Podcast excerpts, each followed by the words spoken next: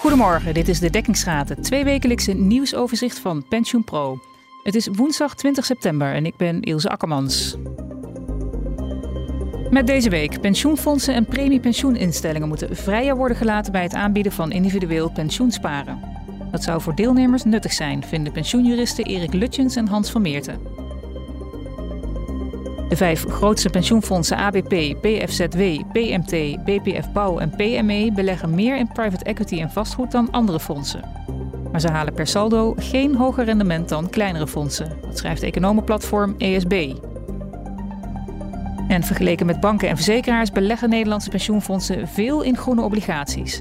Op waardeveranderingen ervan reageren ze bijna niet, concludeert econoom Martijn Boermans van de Nederlandse Bank in een studie. Met mij in de studio zijn vandaag Tjibbe Hoekstra en Frank van Alfen, allebei redacteur van PensioenPro, en Maarten van Wijk, hoofdredacteur. Welkom allemaal. Goedemorgen. Hoi. Als eerste gaan we het hebben over het advies van pensioenjuristen Erik Lutjens en Hans van Meerten. Dat staat in een Netspar-onderzoek naar de taakafbakening voor pensioenfondsen. Wat Lutjens en Van Meerten betreft zou het voor deelnemers goed zijn als pensioenfondsen en PPI's vrijer kunnen zijn bij het aanbieden van individueel pensioensparen. Maarten, ja, dat is een opvallende samenwerking tussen deze twee juristen. Lutjens en Van Meerten zijn in veel juridische debatten juist erg aan elkaar gewaagd. Ja, dat klopt. Het is een heel grappige uh, dat ze nu samen hun naam onder een paper zetten. Dat is ook eigenlijk voor het eerst uh, dat ze dat doen.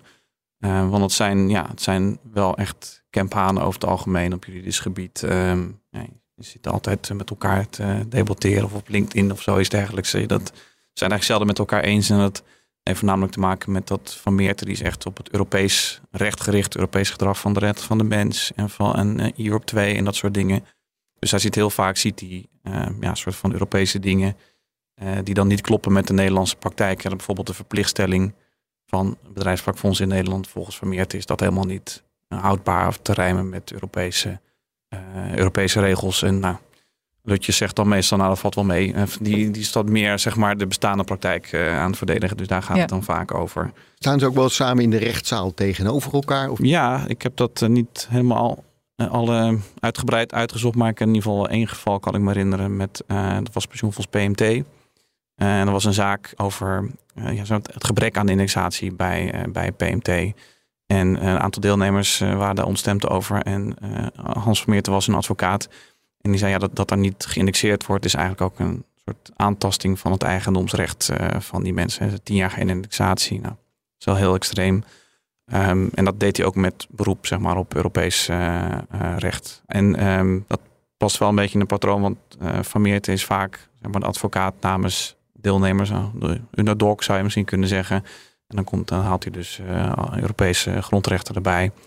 Uh, om de rechten van die mensen te verdedigen. En Lutjes, um, nou ja, zie is wat meer dan de powers that be uh, die door hem uh, verdedigd worden. De staat heeft natuurlijk zijn eigen, heeft natuurlijk het landsadvocaat, maar Lutjes zie je dan vaak bedrijfstakfondsen verdedigen. En nou, op die manier komen ze natuurlijk ook wel eens tegenover elkaar te staan.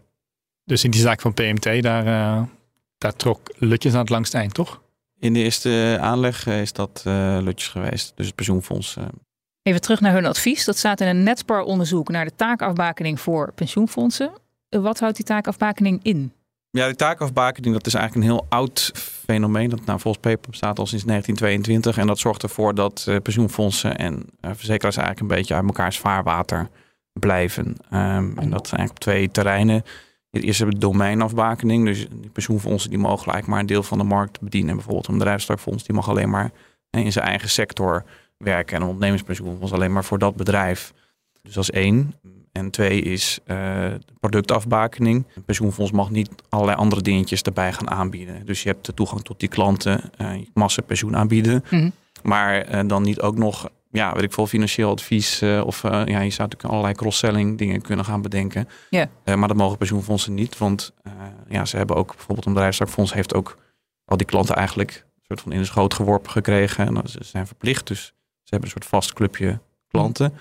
En als je met dat uitgangspunt dan gaat concurreren met verzekeraars op de vrije markt, dat zou niet heel fair zijn. Dus vandaar dat je die uh, afbakeningsregels hebt. Ja, ja en Lutjes en Van Meer te vinden die taakafbakening te ver gaan en achterhaald. Waarom vinden ze dat? Nou ja, daar worden wat. Uh, het heeft eigenlijk een beetje te maken met de komst van het nieuwe stelsel, met name. Uh, meningen zijn er wel een beetje over verdeeld, maar Eh, ze zeggen toch van ja, dat gaat wel meer richting een individueel financieel product. Het is volgens mij een boodschap die ja, vakbonden niet graag willen horen, maar eh, er zijn toch veel mensen die vinden dat het zo is. Ehm, de bedoeling is ook dat mensen zich meer ja, bewust worden van hun pensioen, bezighouden met hun pensioen. Ze krijgen uh, waarschijnlijk wel wat meer uh, keuzemogelijkheden ook, die deelnemers. En keuzebegeleiding gaan ze krijgen. Mhm. Um, nou, en als je dat um, ja, in, in die trend past eigenlijk uh, ook dat, ze wat meer, dat je wat meer met die producten kan doen. Concreet houdt dat in dat je Kijk, als zo'n deelnemer die zit op de site van zijn pensioenfonds te kijken, die ziet daar een vermogen staan. Hè, hij is allemaal gestimuleerd om, om daar uh, naar zijn pensioengat te gaan kijken, bijvoorbeeld. Mhm. Dan ziet hij, hey, ik heb te weinig pensioen. Nou, Ja. dan is het nu zo dat het pensioenfonds zegt, sorry, we kunnen niks voor jou uh, betekenen, want we hebben uh, regels, we hebben productafbakening. Dus um, nou, dan gaat u maar bijsparen, bijvoorbeeld bij een verzekeraar of uh, zoek maar een adviseur of iets dergelijks. Mhm. Nou, en daarvan zeggen ze van, dat zou eigenlijk een pensioenfonds wel moeten kunnen doen. Dus het zou een soort bijspaaroptie moeten kunnen bieden aan mensen die daar uh, behoefte aan hebben. Dat is eigenlijk het voornaamste Ja. die ze dan zouden willen maken. En wat zijn de argumenten die ze daarvoor geven?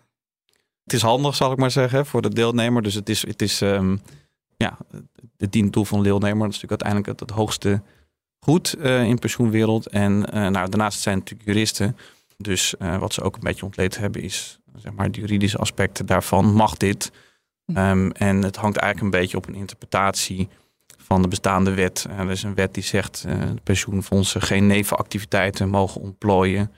En ze moeten zich bezighouden met zaken ter zake van pensioen of dingen die met pensioen te maken hebben. Mm -hmm. Nou, dus dan kan je geen hypotheekadvies gaan geven, maar zo'n bijspaar iets, daar kan je wel van beweren van dat heeft te maken met pensioen. En dus eigenlijk een soort interpretatie van, uh, van de bestaande wetgeving. Ja. En nou, daar komt dan bij uh, dat in andere Europese landen, hè, dus die, die nevenactiviteitenregel die is ook gebaseerd op Europese richtge- uh, wetgeving, IORP. -hmm. Nou, in andere landen, bijvoorbeeld in België, mag een pensioenfonds dus wel dit soort zaken doen. En in Luxemburg uh, mogen ze het ook.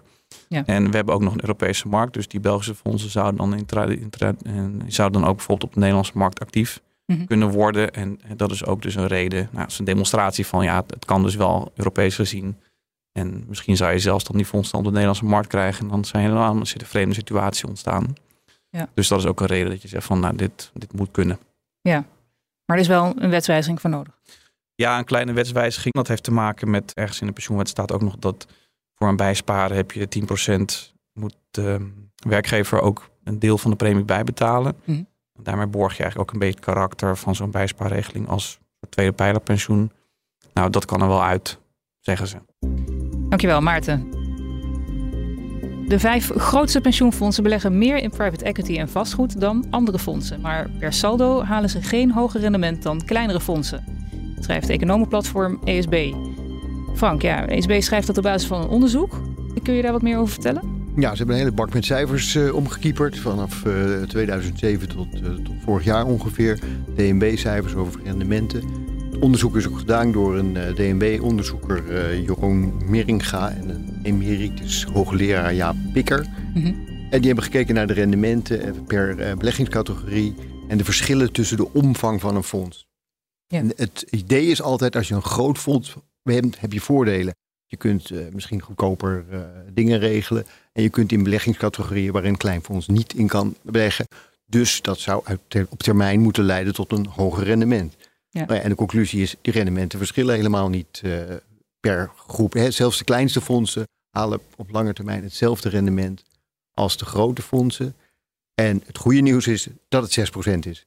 Want nou ja, daarmee kun je best wel wat pensioenen uh, betalen. Ja. En je ziet dus dat het op lange termijn gewoon werkt. Ondanks alle schommelingen. Ja, nou, dat de verschillen in rendement tussen de grootste en de kleinste fondsen nu zo marginaal zijn, is onverwacht, begrijp ik. Hè? Wat verklaart die uitkomst? Ja, het onverwachte element is dat je denkt groot is, is beter. Je kunt betere rendementen behalen. Het, uh, de reden is, uh, de, dat klopt ook in zekere zin. Want uh, grote fondsen beleggen meer dan kleine fondsen in private equity en vastgoed. Mm -hmm. Dat zijn categorieën die als je groot fonds bent wel in kunt beleggen. Als klein fonds is dat wat lastiger. Ja. Op die uh, categorieën behalen ze ook inderdaad een hoger rendement. Dus als je dat allemaal bij elkaar optelt en je kijkt puur naar de beleggingen, dan hebben ze inderdaad een hoger rendement gehaald dan kleinere fondsen. Ja. Maar ja, dan ga je verder en een deurtje verder en dan kijk je naar de renteafdekking. En dan zie je dat die grootste fondsen hun rente altijd wat eh, minder hebben afgedekt dan de kleinere fondsen. Mhm. Nou ja, de rente is de afgelopen jaren en de afgelopen decennia de hele tijd gedaald.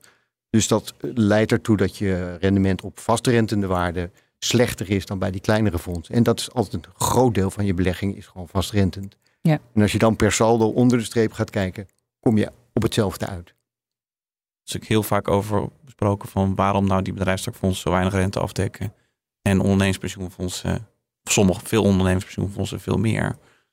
Ja, dat heeft, het heeft aan twee kanten zitten. Aan de ene kant zie je bij die ondernemingspensioenfondsen, die doen va- vaak een hoge renteafdekking, omdat ze zeggen, willen dat hele korte termijn risico, dat de dekkingsgraad daalt, willen we gewoon niet lopen, niks mee te maken. Bij die bedrijfstakfondsen zag je vaak dat er een rentevisie was, APG was, daar een beetje de aanvoerder van. Die zeiden altijd, ja, die rente die kan niet verder dalen, want dat, dat is nog nooit gebeurd. Dus waarom zou je het in godsnaam gaan, gaan afdekken? Nou ja, APG, ABP, dat is toch de grootste partij. Daar wordt veel naar gekeken. Grote fondsen kijken sowieso veel naar elkaar. Dus dat, die hebben heel lang volgehouden. We moeten dat eh, niet te veel gaan, gaan afdekken, want dat gaat ons, eh, ons geld eh, kosten. Ja, de vijf grootste fondsen die beleggen meer in private equity en vastgoed. En maken vergeleken met andere fondsen dus ook hogere kosten. Hoe, hoe zit het daarmee? Ja, dat staat ook in dat onderzoek. Die zegt, nou ja, inderdaad. Je ziet, je krijgt- elk jaar krijg je dat bericht weer. Private equity, eh, heel veel eh, prestatiebeloningen betaald. En dat loopt echt in de, in de miljarden wat er betaald wordt. Het grootste component in de kosten, in de Mhm. beleggingskosten. Gaat vaak naar die private equity eh, fondsen. En, maar het onderzoek zegt, ja, nou ja, dat, dat is zo. Maar je ziet wel dat uiteindelijk de rendementen hoger zijn. Dus die kosten worden wel goed gemaakt. Dus in die zin hebben ze het goed gedaan. Dankjewel Frank. Dan gaan we naar ons derde onderwerp. Nederlandse pensioenfondsen beleggen vergeleken met banken en verzekeraars veel in groene obligaties. Op waardeverandering ervan reageren ze bijna niet. Dat blijkt uit een studie van econoom Martijn Boermans van de Nederlandse Bank. Tjibbe, wat is de omvang van die beleggingen in groene obligaties? Nou, die is de afgelopen eh, jaren spectaculair toegenomen, die omvang. Eh, Nederlandse pensioenfondsen die belegden aan het eind van het eerste kwartaal van dit jaar, dat zijn de laatst bekende cijfers, eh, voor 47 miljard euro in groene obligaties. Dat is vijf keer zoveel als in eh, 2020. Als je kijkt naar het percentage van de hele portefeuille, hoeveel is het dan? Het is 7,4% nu van de obligatieportefeuilles. En ja, voor gemiddeld in Europa is het 3,5% en wereldwijd maar 1,5%. Dus ja, Nederlandse pensioenfondsen beleggen echt veel meer in groene obligaties dan gemiddeld. Ja, het viel Boermans op dat pensioenfondsen zich niet of nauwelijks iets laten, lijken aan te trekken van de prijzen van groene obligaties. Hoe is dat te verklaren? Nou ja, dat klopt. Want ja, andere institutionele beleggers als verzekeraars en banken, ja, die kopen juist eh, minder groene obligaties naarmate die duurder worden. En dat wordt bepaald door het eh, zogeheten greenium. Ehm, dat betekent dat eh, beleggers bereid zijn om meer te betalen voor groene obligaties. Zit er een, een spread, dus een opslag op in vergelijking met, met gewone staatsobligaties. Maar dat geldt dus niet voor pensioenfondsen, want die blijven gewoon bijkopen. En vaak heeft dat ermee te maken dat ze een bepaald doel hebben gesteld. Ze willen meer beleggen in groene obligaties. Dan hebben ze bijvoorbeeld eh, verplicht, zich ertoe verplicht om een bepaald minimumpercentage in, in groene obligaties te doen. Pensioenfonds SNS Reaal is een voorbeeld daarvan. Die gaan zelfs zover dat ze hun hele portefeuille met bedrijfsobligaties helemaal hebben vergroend. Dus 100% groen. En waarom zijn pensioenfondsen zo enthousiast over groene obligaties? Boermans die komt met twee redenen daarvoor. Aan de ene kant heeft het denk ik te maken, oh, dat denk ik zelf ook, met druk van de deelnemers. Die willen steeds vaker dat hun pensioenfonds duurzamer gaat beleggen. En groene obligaties is natuurlijk een makkelijke manier eh, om te laten zien dat je die wens serieus neemt. Van ja, groene obligaties eh, zijn een liquide en een heel makkelijk toegankelijk instrument. Valt er ook iets te zeggen op, eh, je zegt ze let dus niet op de prijs, maar meer op het groene. Of dat uiteindelijk ook invloed heeft op het rendement. Want 7% van je portefeuille in groene obligaties, zou je dan minder rendement uiteindelijk eh, halen? Is dat te zien? Nou, de afgelopen ehm, twee jaar is dat greenium wel wat gedaald. Dat betekent dus dat de prijzen van eh, groene obligaties harder gedaald zijn dan die van staatsobligaties. Dus ja, de afgelopen periodes zie je wel meer met groene beleggingen. De afgelopen paar jaar eh, hebben die relatief slecht gepresteerd. Dat klopt. Maar er is nog een andere reden die, die Boermans aanvoert dat pensioenfondsen meer dan gemiddeld beleggen in groene obligaties. En dat is dat ze ja, als lange termijn beleggers misschien verder in de toekomst kijken dan, eh, dan een gemiddelde belegger. Want ze verwachten, ja, dat zegt Boermans, die, ja, ze verwachten mogelijk een grotere negatieve impact van klimaat op beleggingen, waardoor groene obligaties populairder gaan worden dan ze nu zijn. Ze sorteren er eigenlijk op voor dat, dus dat, dat greenium weer, weer gaat toenemen. Ja, er is nu een EU-standaard voor groene obligaties op komsten. Hoe moet die eruit gaan zien? Volgens die Green Bond Standard, zoals die heet, die van volgend jaar moet gaan gelden, moet minimaal 85% van de opbrengsten van een obligatie uh, aantoonbaar in groene projecten worden gestopt. Op dit moment voldoen de meeste groene obligaties hier niet aan, zeggen obligatiebeleggers tegen mij. Dat geldt vooral voor, voor staatsobligaties, want ja, voor overheden is het toch lastig om precies aan te geven waaraan die, um, waaraan die opbrengsten ten goede komen. Wat gebeurt er nou als overheid als je daar niet aan houdt? Kan die belegger dan nog iets? Of ja, mm. proces aandoen? Of, nee, ja, want ja, op dit moment is er dus nog geen keurmerk. Dus ja, iedereen kan zijn obligatie groen noemen, zonder een straf. Er is eigenlijk geen, um, ja, nee, dat is, ja, er is geen keurmerk. Dus iedereen kan zeggen dat die groen is. Dus daarom is groen, groen was ook heel makkelijk. Dat moet deze, deze standaard ook tegengaan. Moet groen wassen, dus greenwashing, moet het moeilijker maken. Ja, wat vinden pensioenfondsen ervan dat er een EU-standaard komt? In principe zijn ze er blij mee. Want um, het helpt bij de screening en de beoordeling van obligaties. Want nu zijn die, die, die green bonds, zoals net al even aangestipt, zijn er vaak een soort black box. Want ja, er wordt gezegd groen. Maar vaak gaat het dan om, uh, om uitgiftes die anders ook gedaan zouden zijn. Er wordt nu alleen een groen sausje overheen uh, gedaan. Zoals de Nederlandse overheid, die stopt de, opbrengst van die groene obligaties in. Bijvoorbeeld onderhoud van de spoorwegen. Niemand uh, denkt natuurlijk dat dat anders niet gedaan zou zijn. Alleen kunnen ze nu dus een iets, voor een iets lagere rente kunnen ze die, uh, datzelfde geld ophalen. Dus het gaat, komt vooral ten goede aan, aan de overheid en niet zozeer aan de, aan de belegger. Pensioenfondsen zijn er dus in principe blij mee, maar ze geven ook aan dat er risico's zijn. Want zoals je, zoals je net al zei, Maarten, als je straks blijkt te beleggen in een obligatie waarvan je dacht dat ze groen waren, maar die dan ineens dus geen green bond label krijgt, ja, dan zit je met gebakken peren, dan kan je dat geld kosten. Maar het is ook een reputatierisico. Dankjewel voor je bijdrage, Chippen. Dit was de dekkingsraad van PensioenPro met de laatste ontwikkelingen in de Nederlandse pensioen- en beleggingssector. Op pensioenpro.nl lees je meer. We horen graag wat je van deze podcast vindt. Laat het ons weten op redactie.pensioenpro.nl. Mijn naam is Ilse Akkermans. Fijn dat je luisterde en tot over twee weken.